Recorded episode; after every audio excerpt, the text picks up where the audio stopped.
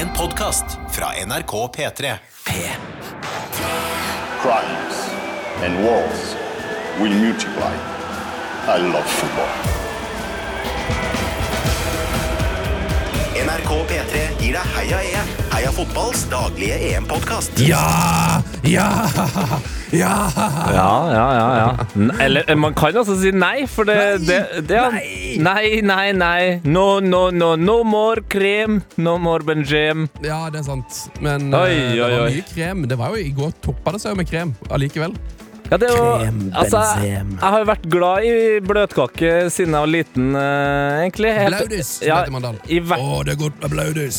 I hvert fall når jeg da fant ut at det går an å be om å få bløtkake uten banan. Uh, men i går var det med banan og med druer, og fader meg, det var altså så mye bløtkake at jeg er litt kvalm i dag. Ja. Selv om jeg hadde det gøy i går. Du hadde det veldig, veldig veldig gøy. Lang dag, kan du si.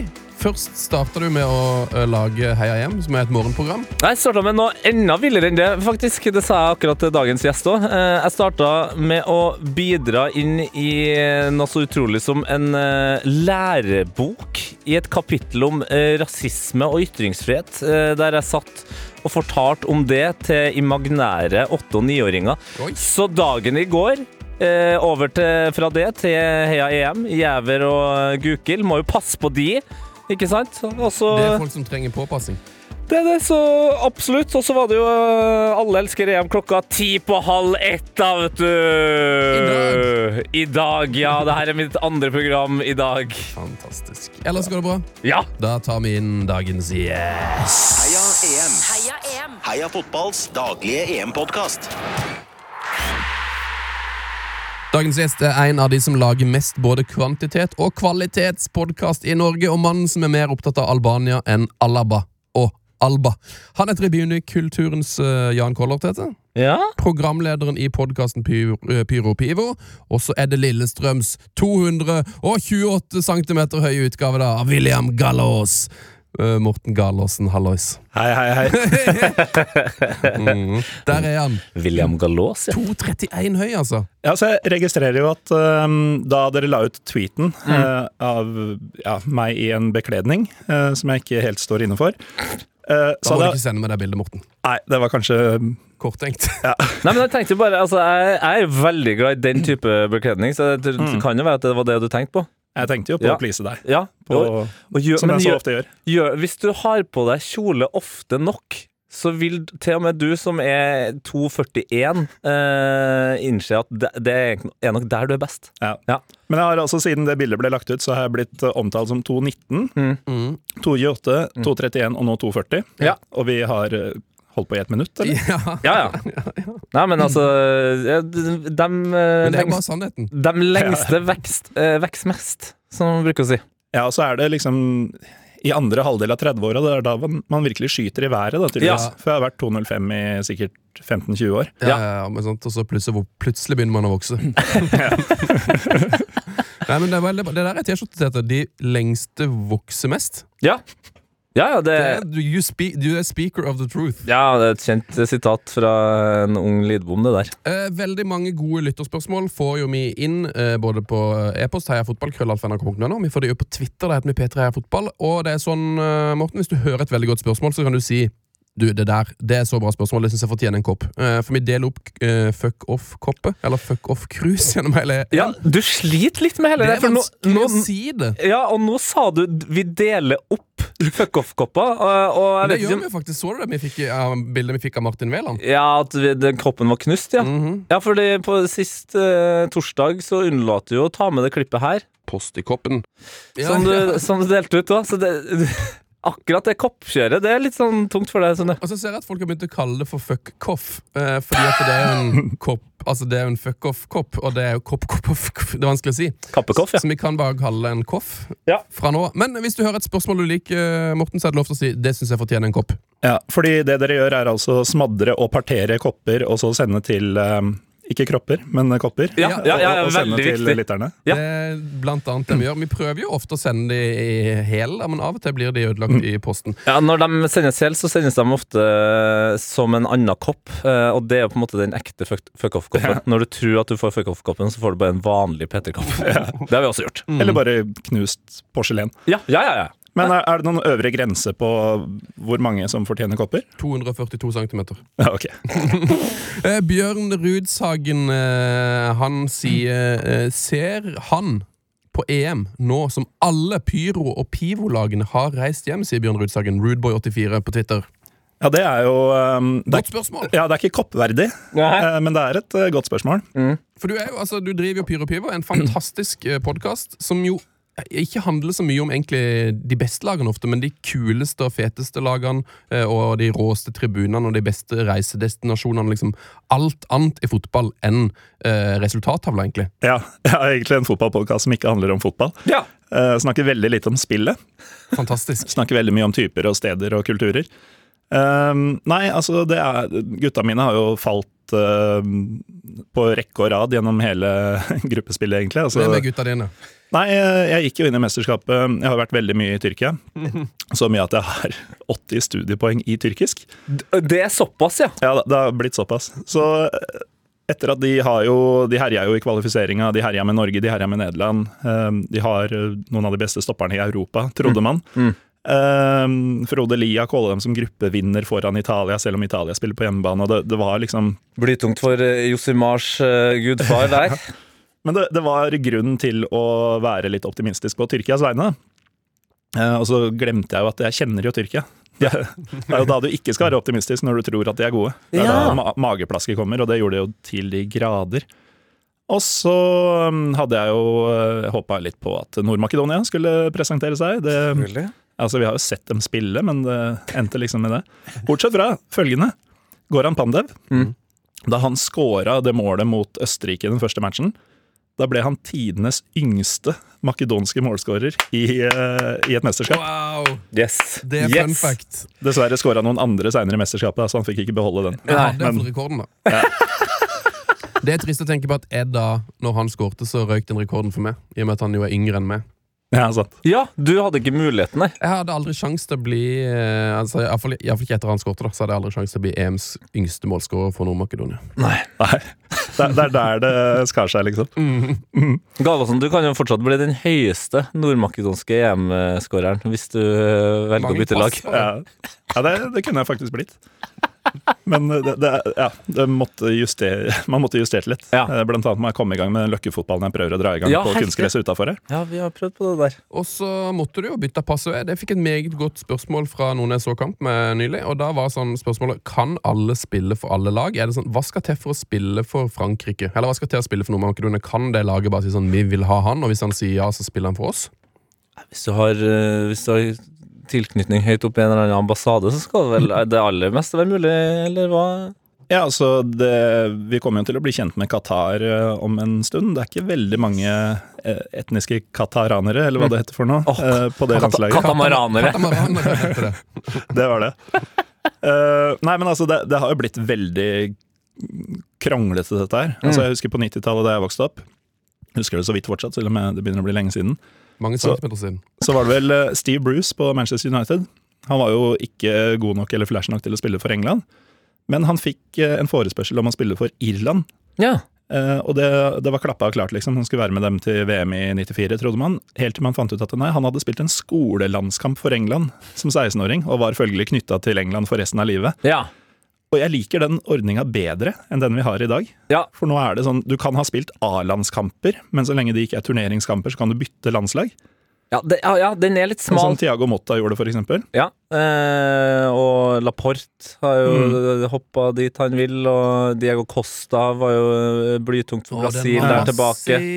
Så det er jo et overgangsmarked for landslag, i praksis. Ja. Ja, og, og da, som du sier, da, eh, land som Qatar eh, og et par andre som eh, kanskje mangler den fotballhistorien, eh, de forsyner seg grovt av Mm. det fatet av eh, de beste nummer toerne, nummer treerne eh, fra diverse land, da. Så er det jo, det er jo noen unntak her òg, sånn som Kosovo. Mm. de er jo unnskyldt, fordi de spillerne som har valgt f.eks.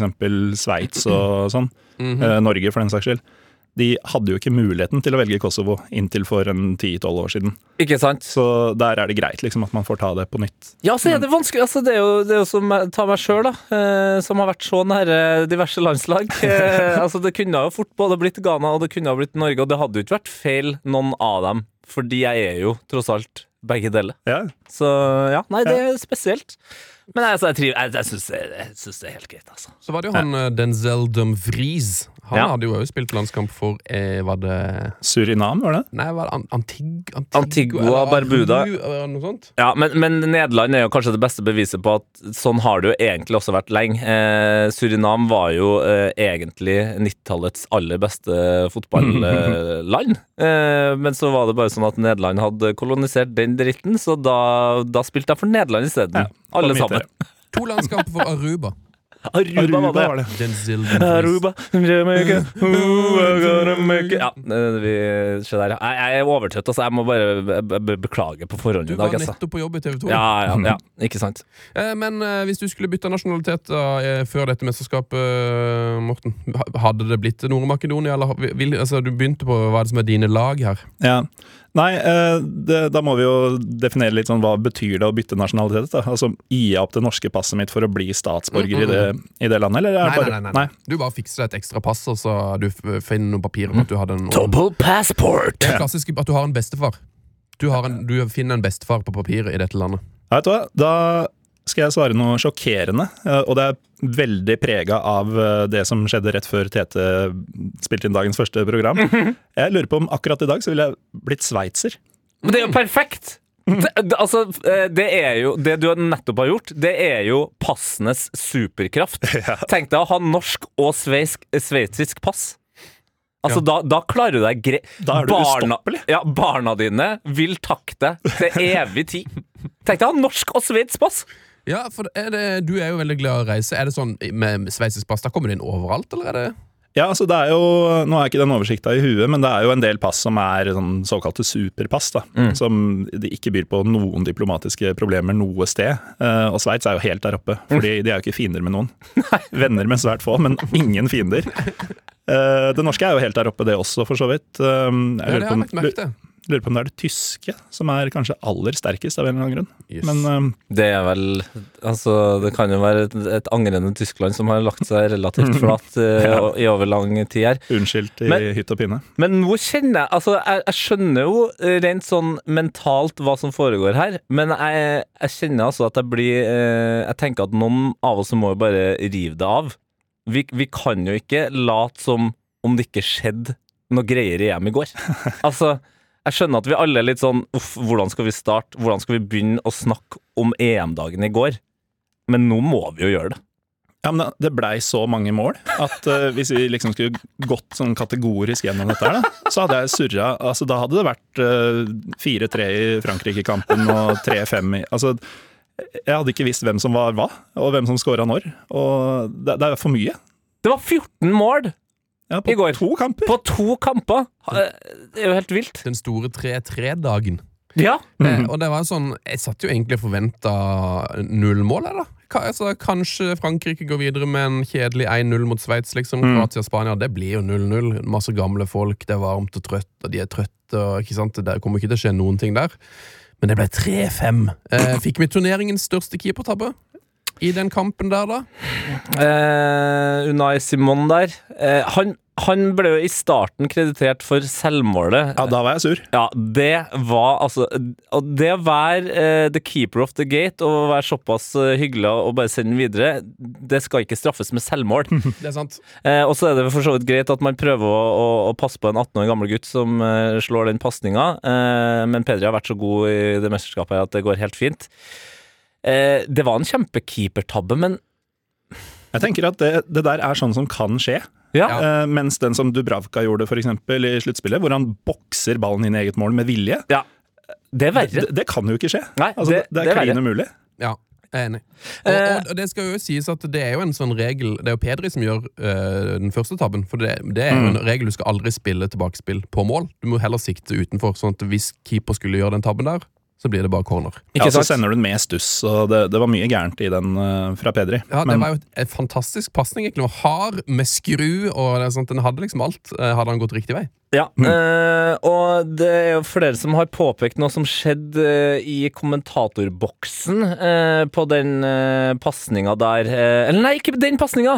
Beklager det, men eh, Unai Simon, keeperen, han kom jo seg veldig etterpå. Han Kom seg unna, kan du si. Ja, Han kom seg unna etterpå, men altså virkelig som han sto på for å på en måte redde sin egen ære.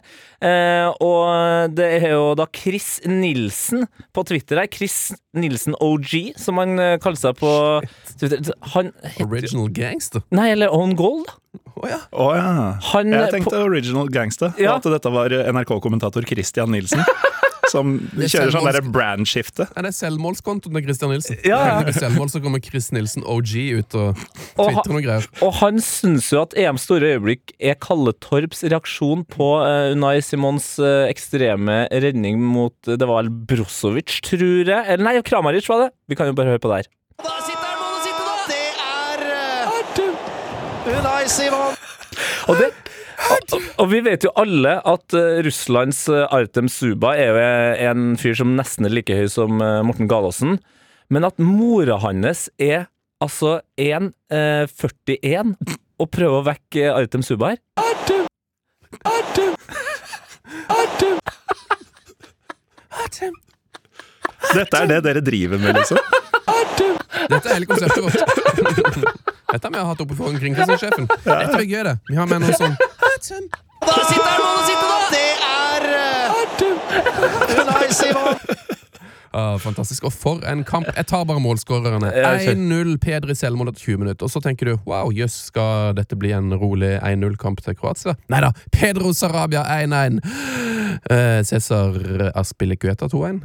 Sitt første landslagsmål! Sjukt. Ferran Torres, eh, den trønderske angrep- angreperen, angriperen, eh, oppe i 3-1. Og da var det sånn Nå er det kjørt. Det er eh, 14 minutter igjen. 3-1 til Spania. Eh, nå, nå klarer de ikke mer. Eh, men så slår de tilbake kroatene. 2-3 Mislav Odesic. Eh, 3-3 Mario Pazlic. Og så ble det ekstraomgang. Yes. Men hva det er jo for en dramaturgi i den kampen. Eh, 3-3 på overtid, liksom. Den er, den er tung å ta for eh, dette Spania-laget som har blitt egentlig stempla litt som sånn losers. Man tenker jo at nå ryker de Ja, så- mot en den kroatiske rutinen. De har jo skåra ti mål på to kamper nå. Eh, Det er jo helt greit. Det er gøy. Kjedelig Spania. Altså, Vi har jo nevnt sjølmålet. Eh, Aspil Kveta som skårer sitt første landslagsmål. Han har jo spilt landslagsfotball i tre tiår nå, føles det ut som. Men vi har ikke nevnt det sykeste ennå. Det er at Morata skåra uten at det ble offside! Ja, og, og ikke bare det. Det, det var jo altså, det, var det minst ferdigskåra sjansen han har hatt i hele mesterskapet. Sykt bra! Fantastisk mål. Altså, det er kanskje EMs beste mål, hvis man skal smøre på litt. Totally redeemed himself! Endelig er Morata tilbake. Kanskje. Ja, eller ja, tilbake. Altså, Har han noen gang vært noe annet enn det vi har sett i mesterskapet? her? Hadde det vært golden Hardtarbeidende fyr som ikke skårer. Hadde det vært golden goal, så hadde han vært tilbake. Men han bomma jo et par feite etter der òg. Jo da, han gjorde det. Ja, da var han tilbake. Ja. Men eh, altså mm, ta, For å ta spørsmålet Man tenker jo kanskje at, eh, at Kroatia skal gå videre. At Spania liksom Ok, nå ryker de. Mm. Men hva er det som gjør at eh, Spania reiser seg her? da? Hva, er, er det et eh, mesterlag vi ser her? Det er jo et lag som Altså, jeg har jo aldri likt Spania noe særlig, og skjelte dem ordentlig ut etter Sverige-kampen. For Mm. det var akkurat det forferdelige, seige, kjipe def øh, Defensivt er kanskje ikke riktig, men forsiktige Spania da, Mm. som, øh, som jeg frykta å se. Uh, og så var det jo ikke imponerende i neste match heller. Men uh, da de dro på med den rolige 5-0-matchen mot uh, Slovakia, så virka det som om ok, kanskje lufta er ute av Slovakia, eh, og at det på en måte ikke er eh, er en målestokk, da. Mm. Men uansett så er det jo en kjempeopplevelse for Det er jo en god del unge spillere blant annet på det spanske laget her, Nettopp. som fikk den, eh, den oppturen akkurat før det begynner å gjelde. Og den kroatiske årgangen her er jo øh, den er jo litt seig. Altså, det, er ikke 2018-Kroatia vi ser. Og så er det jo et eller annet med Spania som eh, man eh, nærmest eh, overser fordi vi har sett det så mye, ikke bare fra det spanske landslaget, men egentlig spanske spillere og spanske trenere de siste ja, ti årene. da. Og det er jo at ja, de kan godt spille kjedelig pasningsfotball, men det de fortsatt virker å være best på i verden, er høyt press. Så, så det er derfor de har ballen så mye. Eh, og det får jo det spanske laget her til eh, igjen. For de har jo slitt litt grann, eh, de siste årene, i hvert fall i mesterskap. da. Så nei, altså det, det føles litt tungt å plutselig snu og si at Spania ser ut som et lag som kan vinne eh, EM, men nå har jo i hvert fall Frankrike gitt dem litt eh, åpnere mulighet. Det som jeg eh, tenkte på i går, det var at eh, den benken til Spania har vi ikke tenkt på at, hvor bra er. Men altså når, du kan, når det er 3-3, og det er sånn ok, nå er vi tomme for gass, liksom. Så er det deilig å ha en duggfrisk eh, Mikkel Oyarzabal Mm. kommer inn på. Eh, de har Dani Olmo som gjør et fantastisk innhopp. Eh, du har Jordi Alba på benken, som egentlig er kaptein. David De sitter der ubrukt. Eh, Fabian Ruiz, som jo, eh, når Norge spilte mot Spania i fjor, eller når det var, liksom var banens beste spiller og har, jo, har vært helt fantastisk for Napoli. og ba- Bare er sånn reservegreier på det laget her. Eh, De har jo en en enorm bredde, da. Ja, og så har du på samme på andre sida. Nå traff jo for så vidt eh, Kroatia med et par av byttene, med Orsic og, og Pasalic. Men eh, når du, altså, bak dem så er det sånn Hva skal vi sette inn nå? Ante Budimir? Ja. Eh, det, det er jo en viss kvalitetsforskjell på, på bredden i de to laga. Ja, altså, altså den, den spanske troppen er så bred at eh, de te, til og med har liksom plass til Adama Traoré, som kan komme inn i en desperat eh, kamp Ja. der man bare trenger liksom fem minutter med pure power som skal inn og knuse på, liksom. Og ikke minst det er et bytte som de virkelig ikke traff på kroatene, var jo Josip Brekalo inn. Eh, på høyre bekk. Han kunne ikke spille høyreback. Nei. Like lite som Josko Guardiol kan spille venstreback. Like lite som uh, Rabiot er venstreback, ja. Det er det ingen tvil om. La oss snakke om Frankrike. Mm. Frankrike-Sveits 21-0-0. Um, og da må jeg innrømme jeg satt og så på lagoppstillinga før kampen, og så tenkte jeg vi har jo, eh, man, man gir jo alle lag en sjanse. Eh, man gjør jo det. Men altså, åssen det, her- nå- det her går ikke. Åssen i all verden skal Sveits klare å vinne dette? Det, det, det, det kommer ikke til å skje. Eh, det, var sånn, det, det er ikke vits å se den kampen. De har vunnet før, det er ferdig, før de har starta, liksom. Dette Frankrike-laget kan ikke tape mot Sveits. Tok jo på en måte ganske feil der, da. Ja, det vil jeg si. Det vil jeg si at du gjorde. Eh, jeg vet ikke hvor mye portugisisk fotball eh, noen av oss uh, ser, men eh, det var vel likevel ikke så veldig mange som forventa at det var Harris Seferovic som skulle åpne skåringsballet eh, i Bucuresti. Nei! Nei. Eh, han altså, han skårer jo nærmest annenhver kamp for Benfica, eh, men, men når man ser han på det sveitsiske landslaget, så tenker man ofte sånn Det er et eller annet med Sveits. Altså, jeg, jeg ser jo ganske mye Bundesliga. Mm. Fryktelig mange av de spillerne er kjent for meg derfra. Og de er gode Bundesliga-spillere. Eh, Sånn når du har én eller to i hvert lag, litt sånn spredt rundt på tabellen. Men når du samler dem, så blir det sånn der grå masse. Altså Det blir sånn surdeigstarter Ja. eh, som bare aldri starter. Eh, og Seferovic er jo en sånn. Eh, når du setter han inn sammen med sånn Admir Mehmedi og Nå spiller jo ikke eh, Berami lenger, da, men det føles som om han er der fortsatt. Ja. Han er der i ånden. de folka der, på en måte. Så blir det bare sånn Det er, det er terningkast tre over hele linja. ja. Og han må jo ha vært, altså Morata har jo vært EMs mest utskjelte spiss eh, når vi har sittet og sett på, men før EM, i alle sånne build-ups og sånn, så var det sånn Kommer ikke du langt med Harry Seferovic på topp? Han har vært en, eh, en utskjelt spiss egentlig så lenge jeg kan huske det. Det har aldri, aldri vært noe snakk om at han er noe god på noe vis. Nei, nei. Uh, Nå gir han jo helt opp. Men det man på en måte har sagt om det her eh, Sveits-laget, tenker jeg som er sånn det positive, at ok, de har eh, Shakiri, som kan eh, skåre utrolige mål, eh, eller på frispark, eh, og hvis ikke han tar frispark, så gjør Rodriges det. Eh, Sjaka kan også bare mæle inn igjen.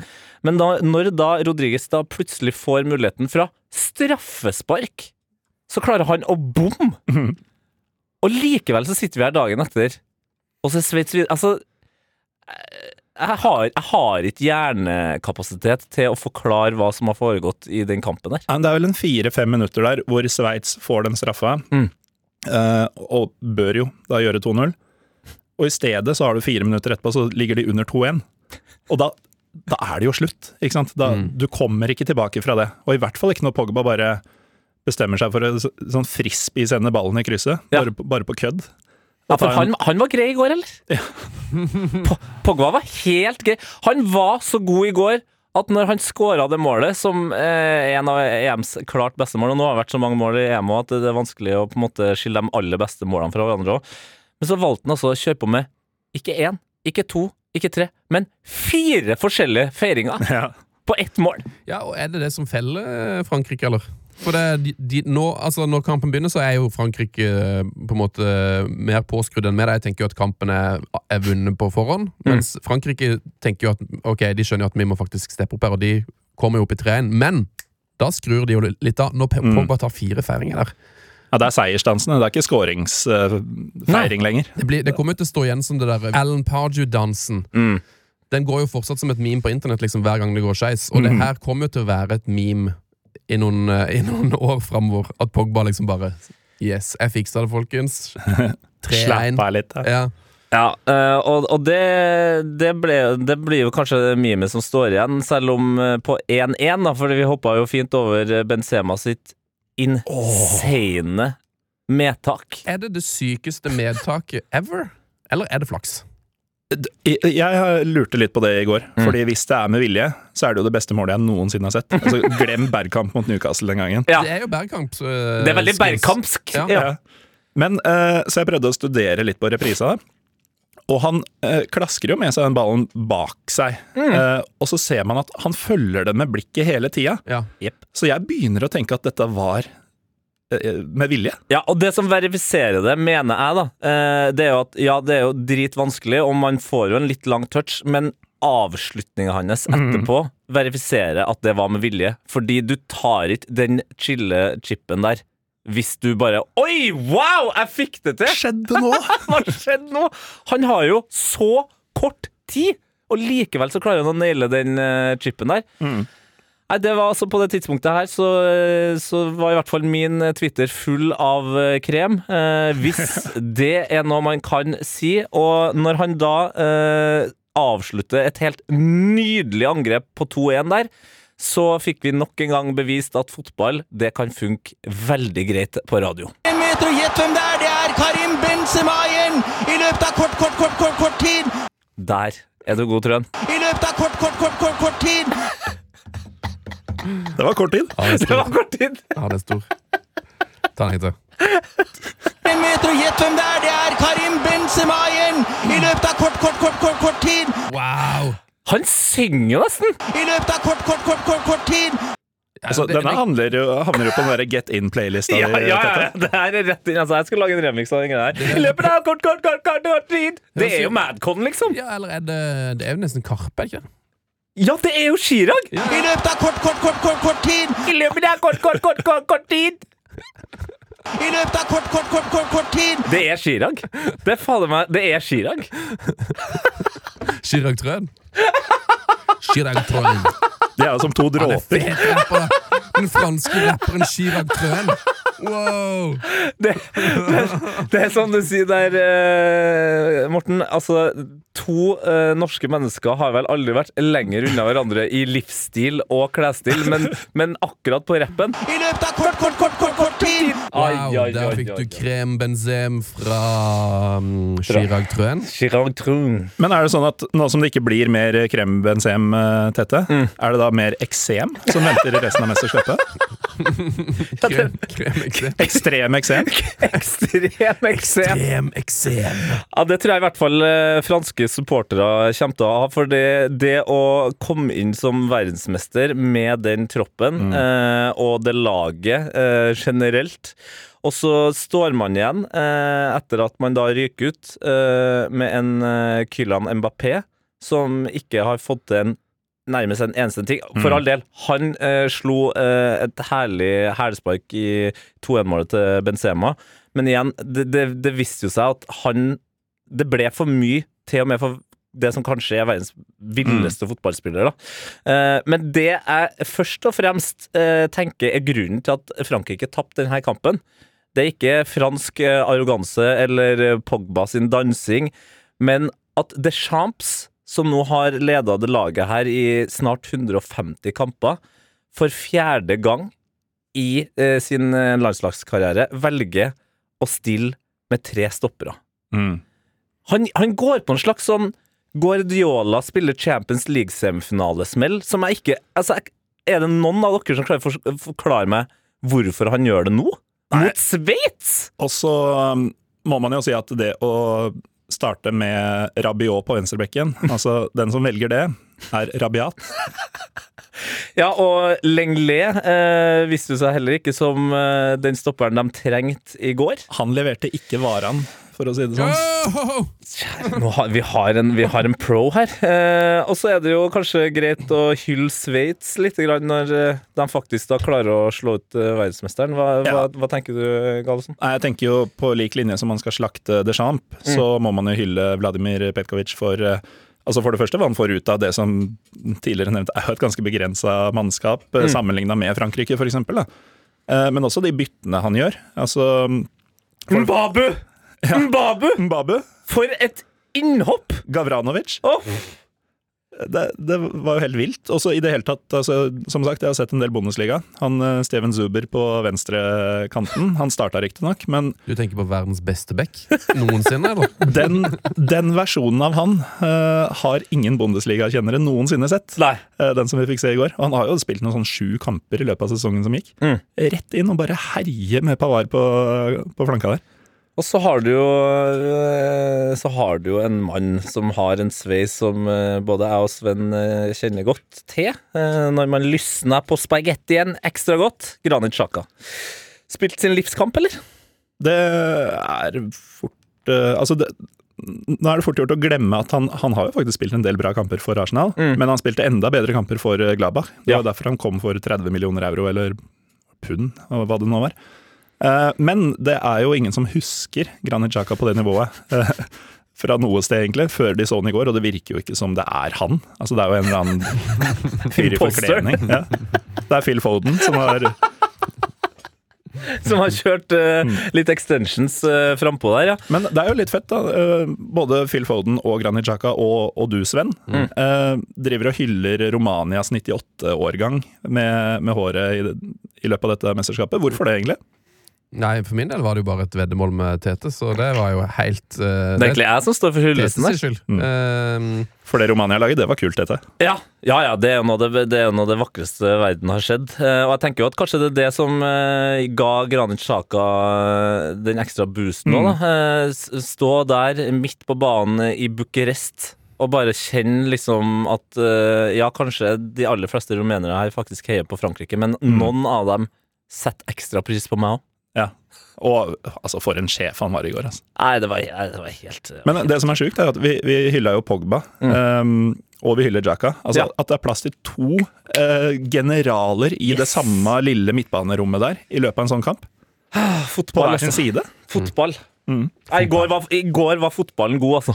Ja, den var det. Og, altså, eh, det var en sånn, sånne fantastiske kamper. Eh, Altså, jeg, jeg, jeg, jeg satt egentlig bare klar liksom eh, halvveis i kampen og tenkte sånn I morgen kommer vi bare til å hylle må, I morgen må vi bare hylle Grismann. Eh, for det, han har vært så god i en sånn en defensiv rolle. da Og Det er sjelden liksom du gidder å Det er sjelden til å imponere en hardtarbeidende og kjedelig spiss, men når du vet hvordan Grismann på en måte har vært i dette Frankrike-laget før, og hvordan han eh, har vært for klubblaget og sånn han, han skal jo være banens beste, liksom, og være spydspiss og toppskårer, men han bare Nei, her er det to spisser som er bedre enn meg, får jeg bare finne på noe annet. Det jo, han har jo vært fantastisk. Og så, eh, 20 minutter etterpå, så er det bare Nei, nå er det Da var er det Sveits som skal videre her, liksom. Han er ikke fantastisk nok. Straffekonk. Ja. Elsker det. Eh, i 2021 har vist seg å være noe de aller fleste fotballspillere syns eh, å virke kjempegøy. Dessverre for Frankrike så syns ikke den beste spilleren det. Den så jeg, den så jeg dessverre komme, altså. Mm. Jeg meldte tidlig at eh, hvis det er én fyr på Frankrike som bommer i dag, så er det ikke Mossa Sissoko, eh, for han kommer aldri til å få lov til å ta straffespark, eh, men Mbappé. Han, Ja. han har virk, det er litt synd å si, men han virka litt sånn for påtent i det mesterskapet her. Ja, men det, det har vært litt sånn rykter, rapporter om noe murring i den franske troppen også, fordi eh, Mbappé har Altså, det sies at han er i ferd med å utvikle et ego som Cristiano Ronaldo hadde syntes ble for mye, liksom. Um, og, Det er mye. og, og det det er jo fort gjort å tenke at det er noe i det, da, når Mm. du ser eh, måten han håndterer den situasjonen der på. Og så er det jo fort gjort å glemme at eh, han er jo hva er han, 21-22? 22, ja vel. Ja. Det er jo en ung mann, dette her. Med hele nasjonens eh, bør på sine skuldre. Du veit at hvis du bommer her, så er det slutt. Eh, hvis du scorer, så er du ikke helt engang, for da bare fortsetter det. Og hele verdens øyne retta mot deg. Altså, det er jo et eh, voldsomt press, da. Det, kan jo, det her kan jo være øyeblikket vi finner ut hvor god Mbappé Nettopp. vil bli, da. Mm. Det er liksom, han, han har to valg når han står opp i dag. Ja. Skal jeg levere enda mer uh, av det jeg har gjort før, eller skal jeg utvikle meg videre? Mm. Ja, og det er jo sånn Og han skal utvikle seg videre. For det, altså, det her er jo historien til David Beckham og til Cristiano Ronaldo. Å bomme på sånne uh, viktige greier, liksom. Å bli syndebukk. Ja. Uh, han kommer jo bare Jeg syns han virker som en total maskin. da Han kommer bare til å komme ut og bli bare bedre av, det her. Det, det kan godt være. Men det, det blir jo interessant å se, siden vi tross alt ikke sitter med den fasiten nå. Mm. Det kan hende at han faktisk ikke har eh, den mentale styrken som vi tror han har. da. Mm. ja, men jeg vet dette, så det må ha fasit. Eh, Jørn Henland med lytterspørsmål til deg, Morten. Han skriver det er så sinnssykt nydelig at EMs vakreste mann Jan Sommer fortsatt skal spille. Kan redde enhver mann og dame i nød. Det er jo ikke et spørsmål, det er mer et statement. Ja, men det er jo noe vi stiller oss 100% bak. Ja. altså, For en vakker mann. Uh, Du er jo LSK-mann. Eh, Andreas Hagensen på Twitter spør Tror dere Vålerenga-spillerne var glad når Sveits gikk videre. Hashtag Rolex. det, er jo, det er jo stort for klokke, klokkefolket, da, dette. Det er det. Men eh, jeg eh, må innrømme noe. At jeg har jo gått hele livet og, altså, uten å vite at Rolex var uh, ja. Helt til dette overdrevne fokuset på Rolexene til Vålerenga-gutta dukka opp i Det var vel Ariles i VG som eh, satte i gang det der. Yes. Um, fordi man sier jo Rolex, ikke sant? Ja. Så jeg har alltid tenkt sånn, det må være amerikansk eller engelsk eller noe sånt. Ja. Men så er det tydeligvis noe sånn Rolex eller noe sånt. Rolex. Ja, Jeg, Jeg lærte det nå. Jeg trodde det var fra kanskje USA eller noe sånt. Ikke Jeg, sant? jeg var helt sikker på at det var østerriksk. Men det, det, sier, men det er jo litt eh, Altså, hvis du, sp hvis du får spørsmålet Hva er det ene klokkelandet i verden? Mm. Så sier man jo Sveits, gjør ikke man det? Jo, jo, det er klokkelandet. Ja. For det er jo ikke bare gjøkeuret. Det er jo eh, kvarts og svarts og hva det nå heter. Og nå kan vi jo begynne å stille klokka etter når Harry Seferovic scorer, for det er jo hele tida. Det er hver midnatt. En gang i timen.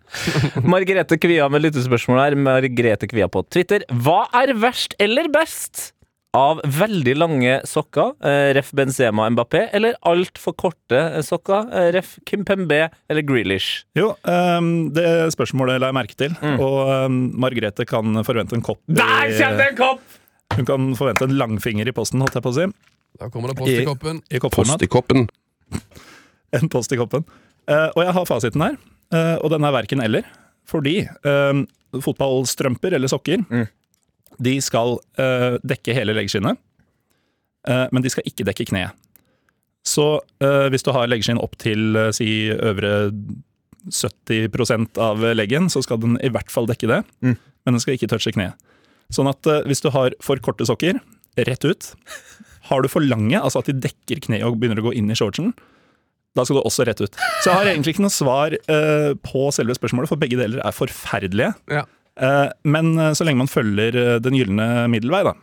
Morten Berres lov, som vi kaller det. Ja. Ja. Men, men det her er jo også det, det her er jo en statement som kommer fra en mann som på en måte Hvis han velger korte sokker, så har han ankelsokker. Hvis han prøver å velge lange sokker, så har han fortsatt den gylne Ja, ankelsokker. Så det, det, det er liksom eh, Jeg er jo eh, jeg er, Det her er jo det her tror jeg kanskje er den fotball, det fotballdilemmaet der jeg er mest Ole Brumm. Å, ja. Fordi eh, en dag så føler jeg meg som kort sokk, en annen dag så føler jeg meg som lang sokk. Og det er kun når jeg har kort sokk eller lang sokk at jeg føler meg som den beste Tete Lidmo på banen. Hvis jeg har mellomsokk, så tenker jeg vet du, i dag burde jeg heller ha løpt en joggetur. Rett og slett. Ta Google eh, Frode Kippe hvis du er Lillestrøm-fan. Der ser du hvor sokkene skal være. Ja, det er er sant. Det er Men sokker er nesten et viktigere spørsmål nå enn fargen på fotballsko. For det der med svarte sko, det er gitt opp. Du får nesten ikke kjøpt det lenger. Jeg tror ikke det fins, jeg. Nei. Jeg har svarte sko. Så selv, har du det? Ja. For selv jeg, altså verdens minst flamboyante løkkefotballspiller, Uh, har jo ikke svarte sko. Har ikke hatt det på Nei, nei, nei. et par tiår, føles det som. Så en mellomleder i NRK går jeg med gule og grønne sko. Nei, nei, nei. Jeg er svarte Misono-sko. jeg. Ikke sant? Kenguruskinn. Let's go. Håvard Johansen, Hav Joha på Twitter, eh, skriver Hvem er sintest av Harry Seferovic og Marko Arnautovic? Nei, altså, ja, du først. Altså Denne uka så er det vel ganske lett å tenke at det er Arnautovic, siden Seferovic eh, kanskje har funnet litt glede oppi alt raseriet etter det som skjedde i går. Ja, dritforbanna på begge målene. Var så Nei, men han, han var jo Nei, men han var jo Han var jo sånn Hva var det beste eksempelet, da? Jo, det er vel kanskje far 38 på juniorcup som uh, hyller sin egen sønn, men som hater faren på det andre laget. Fordi det er jo Altså, han Seferovic kjefter jo av glede. Ja. Uh, og han innser uh, også sjøl at han kjefter så mye at det kan bli misforstått, og drar opp en sånn uh, skråstrek eh, Gareth Bale-hjerte der. Så han står og roper gjennom hjertet! Elsker dere! Vær så god, det er for dere! Her har du den! Men jeg, jeg var jo på Jeg var jo på Åråsen og bevitna et mirakel på fredag. Oh. Og det er jo sånn at eh, det var jo ekstreme gledesscener, i hvert fall for vår del. da. Eh, og når man ser rundt seg, så ser du altså Det er veldig vanskelig å skille ansiktsuttrykk. Sånn, er dette noen som er ordentlig ordentlig i ekstase, altså bare pur glede, eller er de fly forbanna? Eh, for det er noe med det derre fandenivoldskheten når et viktig mål eh, kommer, hvor du slår deg på brystet og plutselig ser rasende ut, Ja. mens det du egentlig prøver å få ut, er eh, eufori. ja. Og det er vel der Seferovic var, da. Mens Arnautovic er jo en sint mann sånn generelt. ja, sant. Det er Han- en veldig god analyse. Han hater jo verden. Han gjør det. Eh, En som ikke hater eh, verden, det, det er Morten, og det er en god grunn til det. Eh, altså, Vi har satt, sett sykt mye fine kamper i fotball eh, nå i EM, men hva er EM-periodens beste kamp på Åråsen? Med to trøndere i hovedrollen. Jeg, men, jeg mener det helt seriøst, på, ferie, på fridagen din, bare gå inn i eh, Discovery Plus-appen og se eh, Lillestrøm-Rosenborg-kampen om igjen. Spesielt alt det som skjer liksom etter kampen. Det er jo så mye det er helt fantastisk postmatch der, med noen enormt eh, fantastiske intervjuer. Ja, og spesielt den Discovery Plus-versjonen hvor de viser ting i det som er reklamepause på TV. Mm. Eh, Så tar de jo egentlig bare og følger altså Da blir jo hun eh, Gunhild og Joakim Jonsson de, de blir jo helt stille, og så lar de bare kamera følge runden hvor de da går rundt og takker alle tribunene. Mm. Eh, og det er, det er så altså, Jeg får gåsehud av å snakke om det nå. Det er, eh, det er en halv uke siden. Og jeg har sett det mange ganger allerede, så det, burde ikke ha den effekten, men det har det. altså. Ja, jeg og Morten snakka jo om det før, før vi trykka på record her, at eh, det er jo noe ekstremt eh, vakkert med at norsk eh, fotball klarer å skape sånne eh, bilder og scener midt i et mesterskap. Mm. Jeg, jeg personlig har vært forbanna på at både Toppserien og Eliteserien eh, kjører på videre. Altså, Toppserien leverer jo da Blakstad-dobbel, eh, som eh, Altså, det hadde jo kunnet vært EMs beste mål, begge de goalene hennes, liksom. Ja, det var trøkk. Det var trøkk, og så kommer Så kommer Gjermund og Pål André og forklarer altså så mye frustrasjon Mm. uten å peke på eh, Altså direkte si hva som har skjedd, da. Ja. Men det er mer enn nok informasjon for oss som sitter og ser på. Det er som, det er som en perfekt X-Files-episode. da Mm. Du sitter etterpå og bare Wow. Hjernen min er fylt med så mange spørsmål, men likevel så har jeg svar. Men det er noe med den forhistorien selvfølgelig til den kampen, altså Ja. måten de to gutta kom på og sånn, og kampforløpet der, Mm. som hvis det hadde vært en film eller en bok, så tenk sånn her, totalt urealistisk. altså Bare fylt av klisjeer. Ja. Eh, Du veit allerede før du begynner hva som kommer til å skje i den kampen. sånn. Kunne aldri skjedd i virkeligheten. Ja, for det er sånn, Pål André Helland starter sin første kamp og rekker eh, å bli skada eh, etter 19 minutter, Ja. men likevel skårer mot Rosenborg. Ja, ja. Og Gjermund Aasen har vel ikke jeg, jeg tror han har blitt bytta ut i alle matchene før dette. Har ikke fullført én kamp fordi han løper seg jo i stykker. Men akkurat denne, eh, fem minutter på overtid, tar én siste spurt, eh, bryter, eh, bryter pasninga der og bare hamrer den inn i lengste hjørne foran Kanarifansen, som for første gang i historien vel står bak det målet fordi de ikke får lov å bruke ståtribunen. Ikke sant? Fantastisk. Eh, og For de som ikke har sett dette, eh, som er helt inne i EM-bobla Det er det som skjer da i, den utrolige kampen, er at Lillestrøm slår Rosenborg, og så er det to tidligere Rosenborg-spillere som på en måte hevner eh, at de ble dumpa der. Og jeg tenker på det i, i lys av det som skjedde i går, da. Det er jo, det er jo noe med at Sveits De spiller jo på en måte med en eller annen sånn der ah, Vi skal klare det, liksom. Du får en ekstra energi av at du blir undervurdert, eller at du liksom ingen tror på det. Og når det sitter da en idiot fra Mandal i Trondheim og sier sånn Det her har Sveits tapt. Så, så tror jeg, da føler jo de det fra, hele, fra, fra veldig mange andre enn meg, da. At det er sånn Det, det her er det ingen som tror på. Nå skal vi ut og vise det, liksom. Nå skal vi bare mose dem. Ja, jeg, jeg, jeg kom med en eh, grusom melding mot TV-en sjøl, eh, når det sto Det var vel når det sto 3-2, eller når det ble 3 Ja, jeg husker jeg, Det er rundt der, i hvert fall, når eh, Sveits ligger under. Eh, Så får vi da bilde av fyren som nå har blitt verdenskjent fordi han eh, visstnok Det kan vi ta senere, akkurat det at han visstnok er så rask til å ta av seg til baris. Eh, alle husker han fyren der. Eh, men når du ser han eh, stå liksom være frustrert og lei seg, da, så, så roper jeg til TV-en bare sånn Dude, du tror jo ikke på det engang sjøl. Hvorfor er du stressa? Spor tre minutter fram i tid. Selvfølgelig eh, trodde han på det, og selvfølgelig hadde han rett. ikke sant? Og det er jo fotball på sitt aller ypperste. Eh, og det, det, altså nå eh, Eliteserien, EM, kjør på! Jeg vil ha mer av det! Det er mer EM! Det får du! Det er mer EM, vet du Det det? du. Yes! 18.00 i dag. Ja! England, Tyskland på Wembley. Jeg hadde egentlig grua meg til den kampen her, fordi, fordi Tyskland skjønner jeg ingenting av, og England er, er altså så kjedelig. Ja, altså Tenk for et antiklimaks dette blir. det. Ja, for Det- det kan det. fort bli Frankrike-Sveits har en sånn parentes i alles øyne mens de venter på, på den der kjøttpuddingen som er eh, England-Tyskland på Wembley. Eh, Foran, det blir vel halvfullt nå? Sånn 45 000? Ja, de skal vel få boosta opp litt grann, eh, på Wembleyen der. Eh, Og altså, vi veit jo at dette blir sånn eh, antagelig 0-0 og straffekonk som Tyskland vinner. Mm. I verste fall en sånn forsmedelig sånn Tyskland skårer i åpningsminuttet og bare grinder ut 0-1 uten at det egentlig skjer noe mer. Altså, det, det kommer til å skje så lite i den matchen her. Det, det, det bare kan ikke skje noe i du, jeg, men jeg, jeg, jeg caller noe annet. Jeg, jeg har en merkelig følelse, fordi jeg tror, eh, med unntak av eh, sveitsere, så var engelskmenn de mest fornøyde i går. Fordi eh, engelskmenn de tror jo alltid at den skal komme hjem. Den her eh, såkalte engelske pokalen som de eh, mener at de eier fordi at de kom på fotball.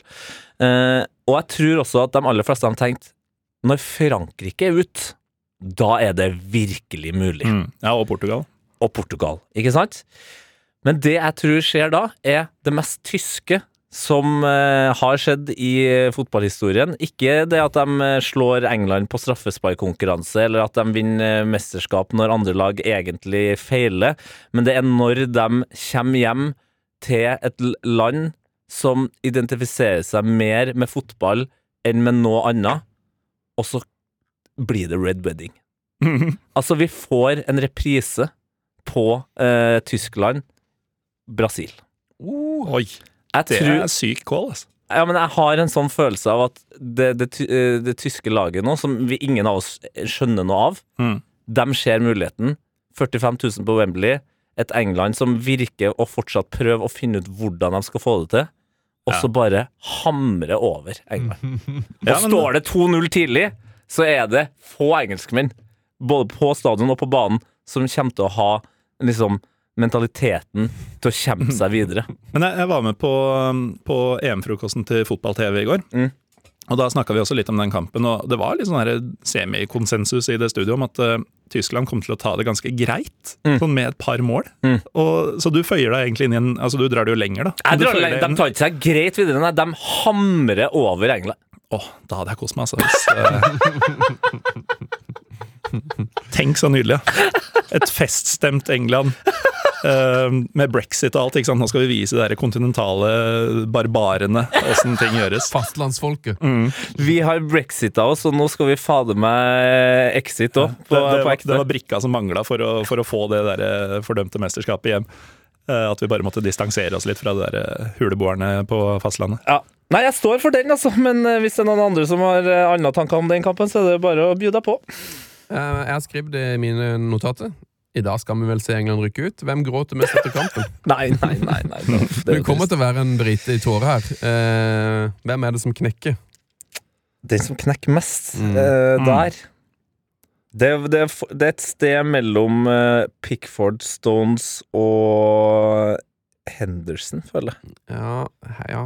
Jeg skjønner det. Det som jeg tror er liksom Nå kan jo Phil Foden på en måte fullføre Gassa-hyllesten, da hvis han går ut i tårer her nå, med den sveisen og sånn. Uff.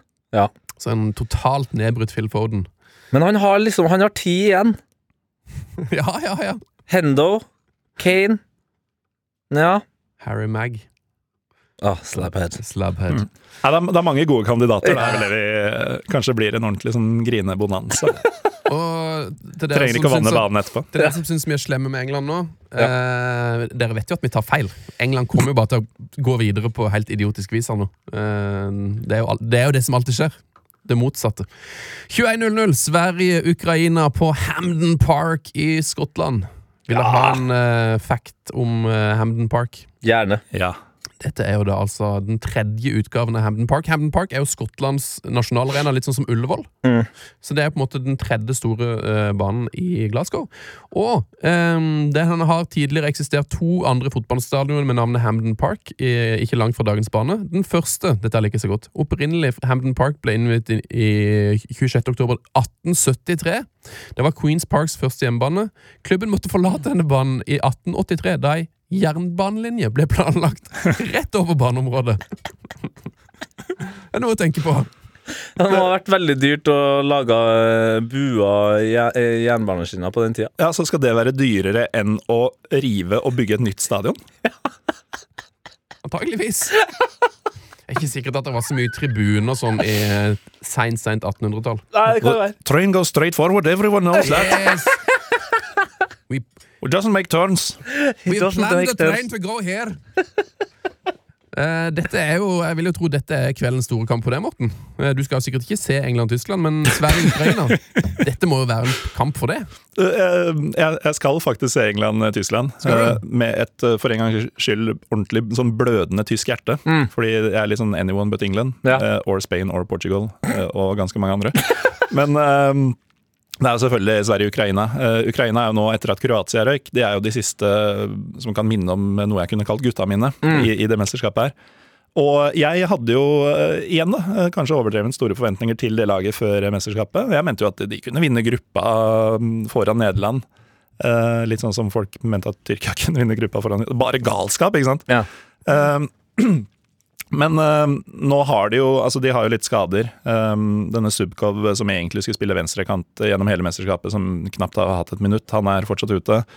Uh, Malinowski, en av mine favorittspillere oh. fra sesongen som har gått i, i Serie A, han har jo vært en skygge av seg selv. Um, Jarmolenko er jo faktisk den som jeg hadde minst tro på, på en måte foran, som har levert. Det er han Eh, og Ja- Jaromtsjuk som på en måte mm, det er de to som gjør alt. den, så, det var, den var ikke mange av oss som så kom, altså. At de to skulle levere best. Nei, altså Jaremchuk eh, var det faktisk en del som hadde trua på Ja. som en litt sånn Ikke en toppskårerkandidat til mesterskapet, men som en som kunne lage litt, uh, litt F på, mot hvem som helst. Mm. Og det, det har han jo også gjort. Um, men det Sverige-laget her Ah. Altså, Tenk at de skal spille kvartfinale i EM. Det så, For de vinner jo i dag. Og det, det er så rart, fordi altså han derre Markus Berg han må jo være 45 år gammel eller noe sånt Da. Har fortsatt til, gode å skåre et mål verken på klubblag eller landslag. Altså, det, det er det gråeste av det gråe. At han stadig vekk finner veien, ikke bare til landslagstropper, eh, men til startplasser. På, på et lag som spiller mesterskap etter mesterskap og går videre i mesterskap etter mesterskap. Jeg skjønner det ikke. Eh, Han er trenerens favoritt. Uh, han er hardtarbeidende. Det er, her, dette er noe sånn Mm. taktisk uh, defensiv valg Ja. som han treneren bare Han her stoler jeg på. Han jobber hardt. Han vinner baller. Han oppnår noe som fansen ikke ser. mm. Derfor spiller han for oss. Men, men, Sver men Sverige, eh, nå også da Sveits, eh, selv om vi ikke så den kom eh, Danmark selvfølgelig er jo lag som nå egentlig på en måte Man blir jo så utrolig glad av at de går videre. Eh, det, er så, det, det er liksom så stas å se hvordan de lagene spiller som lag. Da. De er nærmere et klubblag enn et landslag. Mm. Eh, men så er det på en måte alltid en bakside her, da. Eh, og for oss nordmenn så er det jo den følelsen av at det kunne ha vært oss, da. Ja. Eh, og det, det, det kjenner jeg Det kjente jeg på i går. Eh, når Sveits gikk videre, og jeg kommer til å kjenne på det i dag når Sverige går videre, at vi fader, vi burde være der. Fordi Sverige har det vi også har i Norge, som er blant alt, all den gråe massen, den her bare det arbeidshestene, Mm. så har du liksom bare noen sånn herlig sprinkla av Forsberg og Isak og genialitet. Kulusevski, ikke sant? Ja. Og det gjør jo det her svenske laget ikke bare liksom fascinerende og staut, men det er jo Jeg syns det er dritgøy å se på Sverige. Ja, men det er litt sånn det var Dit jeg ville med resonnementet her, er at uh, Sverige gjør akkurat det Norge egentlig kunne og burde og skulle ha gjort. Uh, For det er jo veldig like utgangspunkter. Det er mye grå masse og mye arbeidshester og mye defensive fibre og sånn. Og så har du da disse krydderspillerne som i vårt tilfelle Haaland og Ødegaard og ja, ikke så veldig mange andre. Men uh, vi bare er milevis unna. Og så ser du da altså Sverige er jo kanskje beste sammenligninga, men også Sveits. da. Som, altså Spiller for spiller tror jeg ikke Sveits er noe bedre enn Norge. Men som lag er de alltid kvalifisert til alle mesterskap. Og de går sånn, det føles som de relativt ofte går videre som sånn toer, treer. Gjort det i 12-13 år nå! Ja. Og Norge bare, de er jo snart det eneste landet i Europa som ikke har vært i EM det siste tiåret. Det, men eh, det er en, et poeng der, da. Eh, når man ser på det svenske laget som uh, antagelig skal starte i dag, da, Mm. så er det jo det at de har jo en gjennomsnittsalder som er nesten 30 år. Eh, og det er jo det, altså, jeg tror jo Norge kan være på det nivået til Sverige om fire, kanskje seks år. da. Eh, liksom, vi har et, et veldig ungt lag, mens det Sverige har, er at eh, de har på en måte rutine. Og i et mesterskap så er, det så er Sebastian Larsson like mye verdt som eh, Martin Ødegaard. da. Fordi at han har, han, han har spilt her før, og han har lave Han skuldre. han er mer verdt! Han er mer verdt! Ikke sant? Han er det, Og dessverre. eh, Sverige har antageligvis uh, den lagoppstillingen jeg har sett, så begynner jo både Berg og Kulusevski på benken. Det er Quaison og Isak antageligvis på topp. Mm, Ghana! Eh, Så det, det, er- jo et Det er jo et fantastisk solid og kjipt lag å møte. Men Mm. eh, jeg, jeg gir ikke helt opp Ukraina, egentlig. Altså, du, Jarmolenko har vært veldig veldig god. Jaremtsjuk eh, Var det Skau som spådde et lite hat trick fra han nå? Eh, litt på kødd, kanskje, selvfølgelig, men altså, han, han er en Han- spiller han- som, kan, som kan avgjøre kamper. da Ja, men Skau har klokkertro på, på Jaremtsjuk. Han eh, mente jo faktisk at han kunne bli toppskårer. Eh, det var riktignok før mesterskapet starta. Um, men altså de, de må få Altså Jarmolenko og Remchuk de har jo allerede levert. De må være på i dag også. Mm. Uh, han derre Bursjan bakerst han må slutte å gjøre brølere. Ja. Kanskje, kanskje få litt hjelp av eh, stopperne også, eh, innimellom. Men uh, viktigst av alt er jo å få i gang uh, Sinchenko og Malinowski. For det er jo de som egentlig skal bære dette laget. Time will show. Time will show. Var eller var? Statsråd, er du for eller mot var? Var eller var? Er du var for var? Var eller var? Der, ja. Elsker Phil Collin. Phil Collin. Henry. Phil Collin Henry. Hva er det som foregår nå, egentlig? Det er var eller var. Var eller var. Vi hører på eh, Phil Collins. Det gjør vi alltid i Heia Hjem. Det er klart vi gjør det.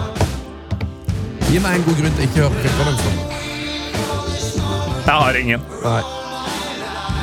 Det er klart for uh, var eller var. Uh, hvis du ikke helt skjønner hva det går i, dette er vår hot eller not-spalte, Morten Gallosen. Ja. Det var fantastiske reisemålet i Kroatia, og så er det var. Ja, sånn er det grusomme grusomme ja. dommerredskapet. mm, Det grusomme dommerredskapet. Det kommer an på. Noen har hatt ja, noen, noen elsker dom, dømminga. Altså, Men kan, hva kan, jeg bare, jo, kan jeg bare angripe VAR med en gang? Altså Ikke reisemålet, selvfølgelig, men det andre. Ja. Fordi Konseptet. når Jan Sommer har redda den straffa i går Mm. At han må bli stående og vente på signal for å juble.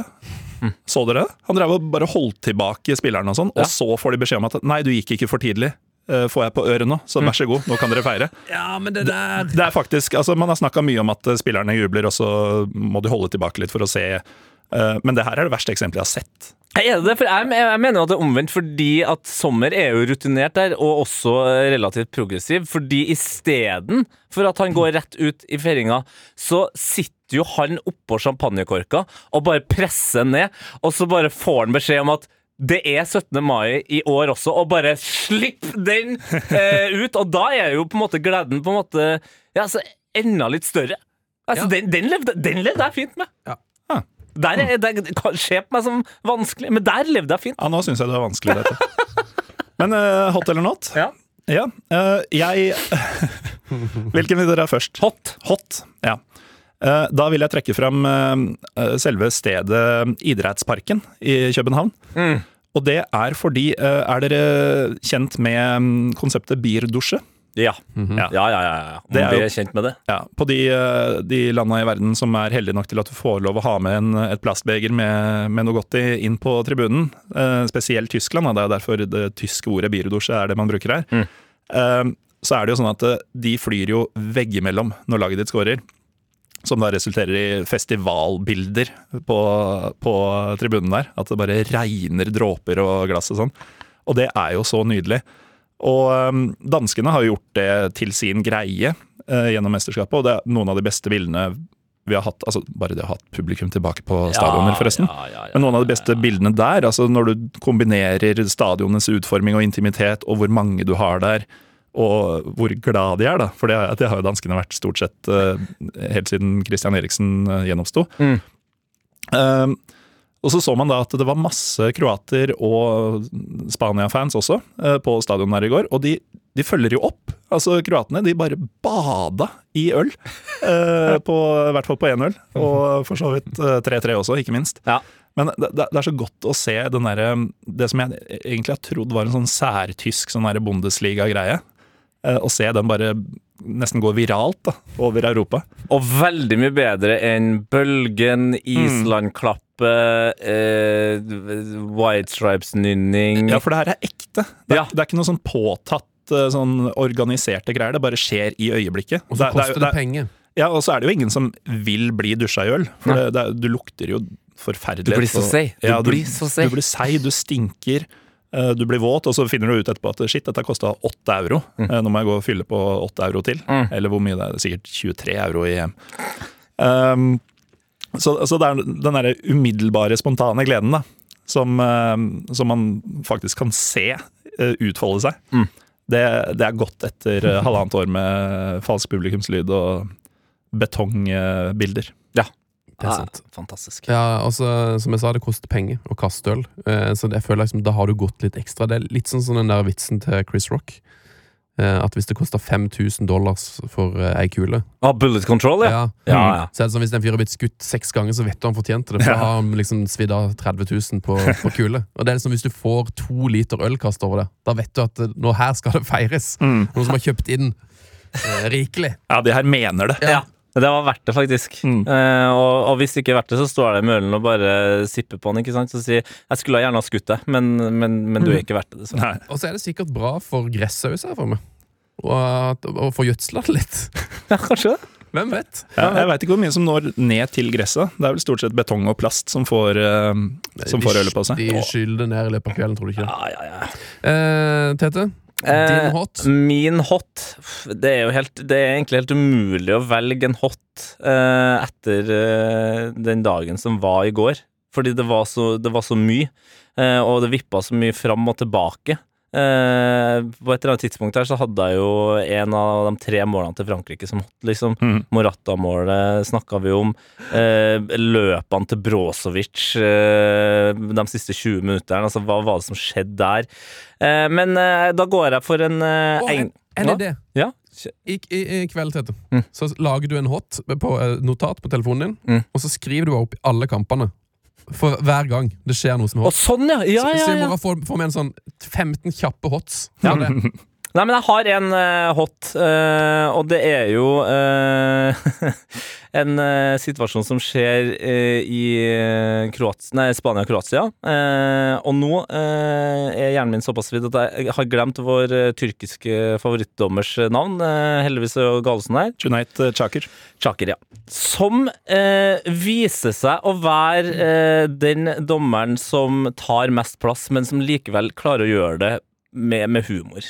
Eh, for det her kunne egentlig vært en not, men Spania slår altså en eh, relativt god, eh, framoverretta, eh, høy pasning. Og mens ballen da er i lufta, Spania setter i gang et angrep, så blæs eh, dommer. Og grunnen til at han blæs, er at han mener at ballen har for lite luft. Det var det angrepet. Altså, det er så voldsomt inngrep, da. Men han smiler og står på, og så blir han litt sånn forbanna og overraska over at ingen eh, klarer å, å smelle ut en ball med en gang. For han er litt sånn Men Spania må jo få komme i gang med angrepet med, med en gang. Så det er sånn, det er du som har stoppa kampen! Men akkurat nå var det vitalt å få mer eh, luft inn, mener jeg, som ikke rører den ballen.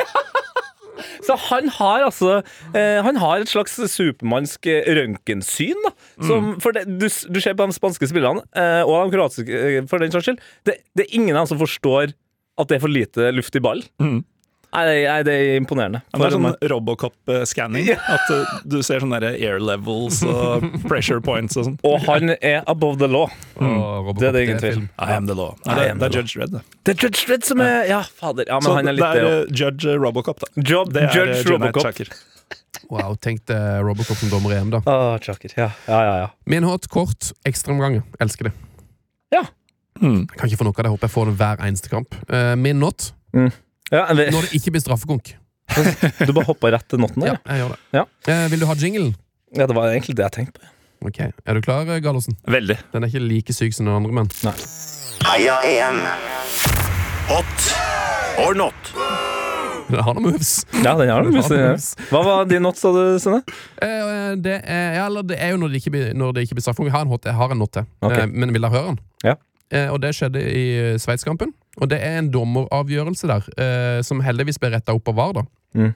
Men det trenger det ikke alltid å, bli, å gjøre. eh, For det var når eh, Sveits fikk straffe på, på 1-0, Mm. så ble jo dette tatt av VAR. Eh, men det som skjer da, er jo at Zuber blir meia ned. Eh, men så reiser han seg opp igjen, spiller videre, Mm. og da sier dommeren bare sånn Ok, nei, det var ikke straffe.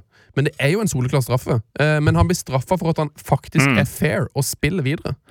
Ja, Samme som Lukaku eh, her om dagen, når han så ble holdt igjen eh, i ti meter, og ikke dett. Så får, så får han ingenting! Ja, Og så klager man på filming og sånn etterpå, men det, Man det man faktisk gjør, er å tilrettelegge for at spillere bør filme. Ja, Og det er, det er så kontraproduktivt som du får det.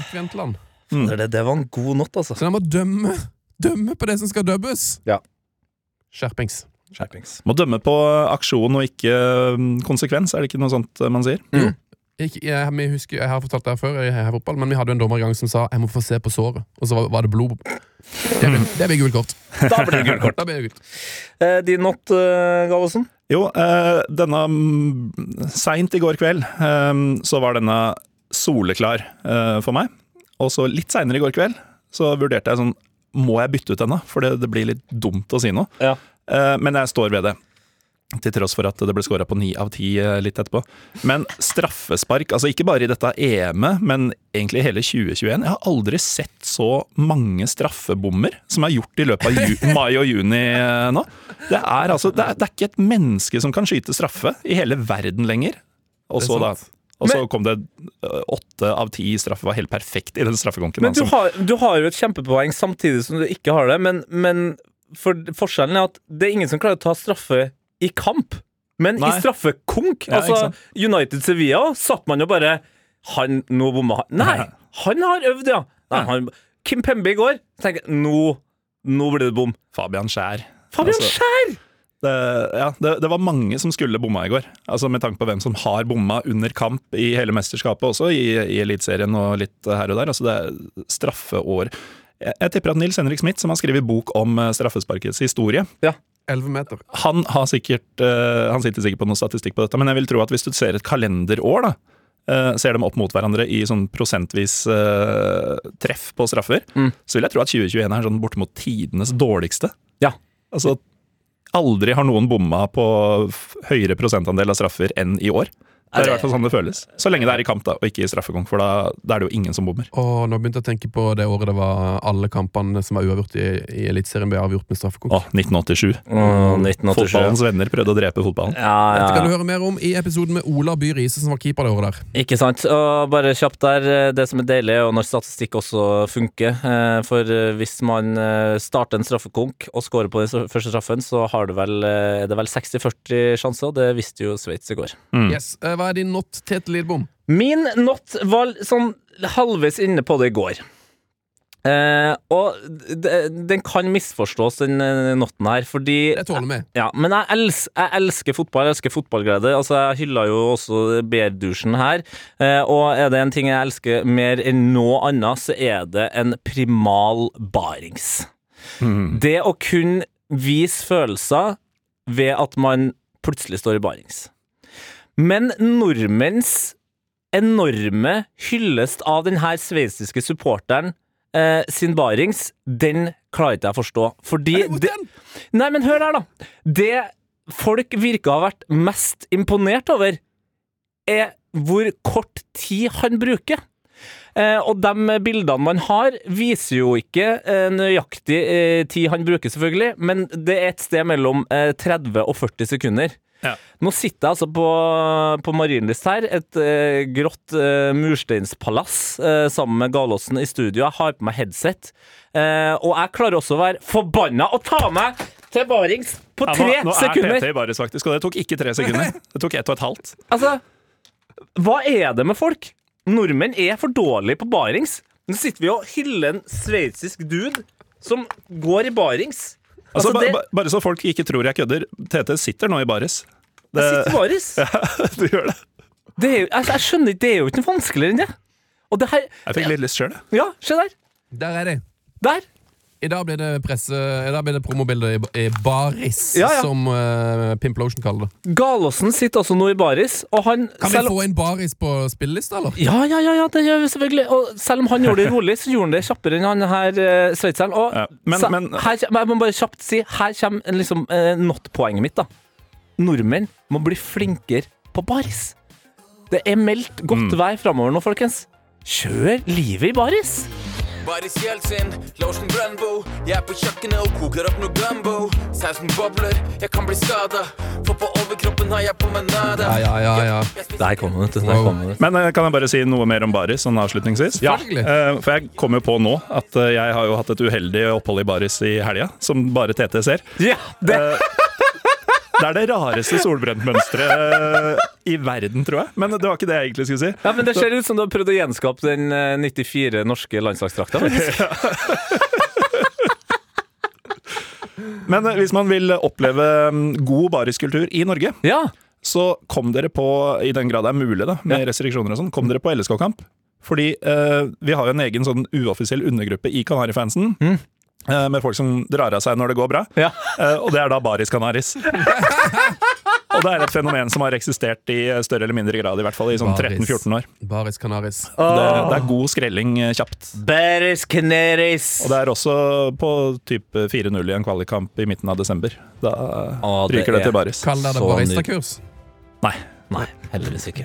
Shit, der, har- der er Hasse Hope med i baris-videoen.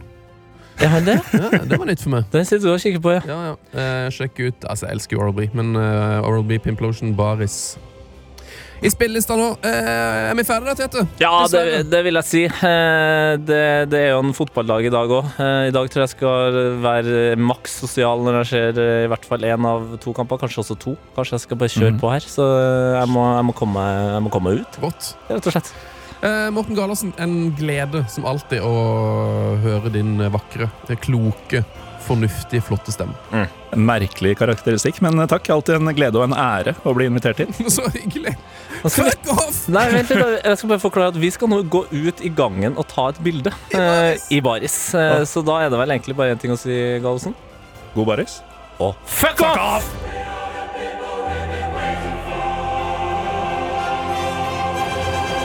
Heia EM! Heia fotballs daglige EM-podkast fra NRK P3.